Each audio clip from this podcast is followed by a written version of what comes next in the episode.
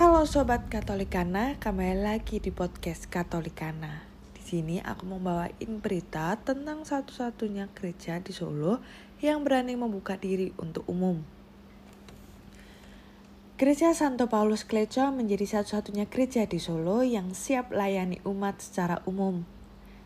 Kasus pandemi COVID-19 berhasil menghentikan segala aktivitas manusia termasuk kegiatan ibadah.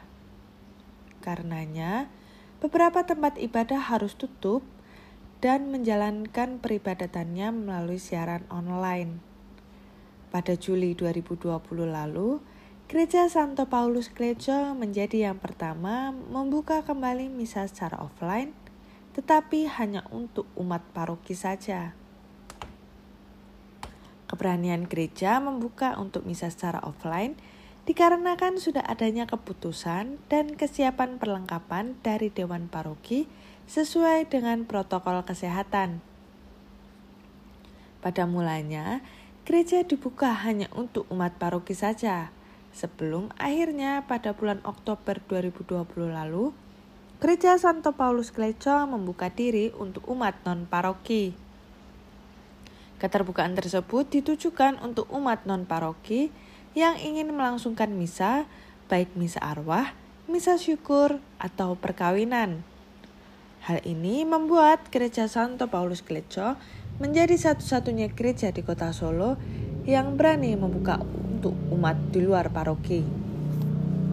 Keterbukaan tersebut menurut Romo Emmanuel Nua MSF selaku Romo Kepala Paroki tidak membuatnya merasa takut karena ia percaya bahwa umat yang datang memiliki keyakinan bahwa dirinya sehat. Ketatnya protokol kesehatan di lingkungan gereja juga membuat Romo dan umat menjadi tidak takut untuk terbuka secara umum, terlebih adanya tim Pamja yang bertugas. Karena ketatnya protokol kesehatan di lingkungan gereja, membuat banyak masyarakat mengenal bahwa Gereja Santo Paulus Kleco merupakan gereja yang paling taat mengenai protokol kesehatan. Sekian berita tentang gereja Katolik yang berani membuka diri untuk kalayak umum. Sekian dan terima kasih.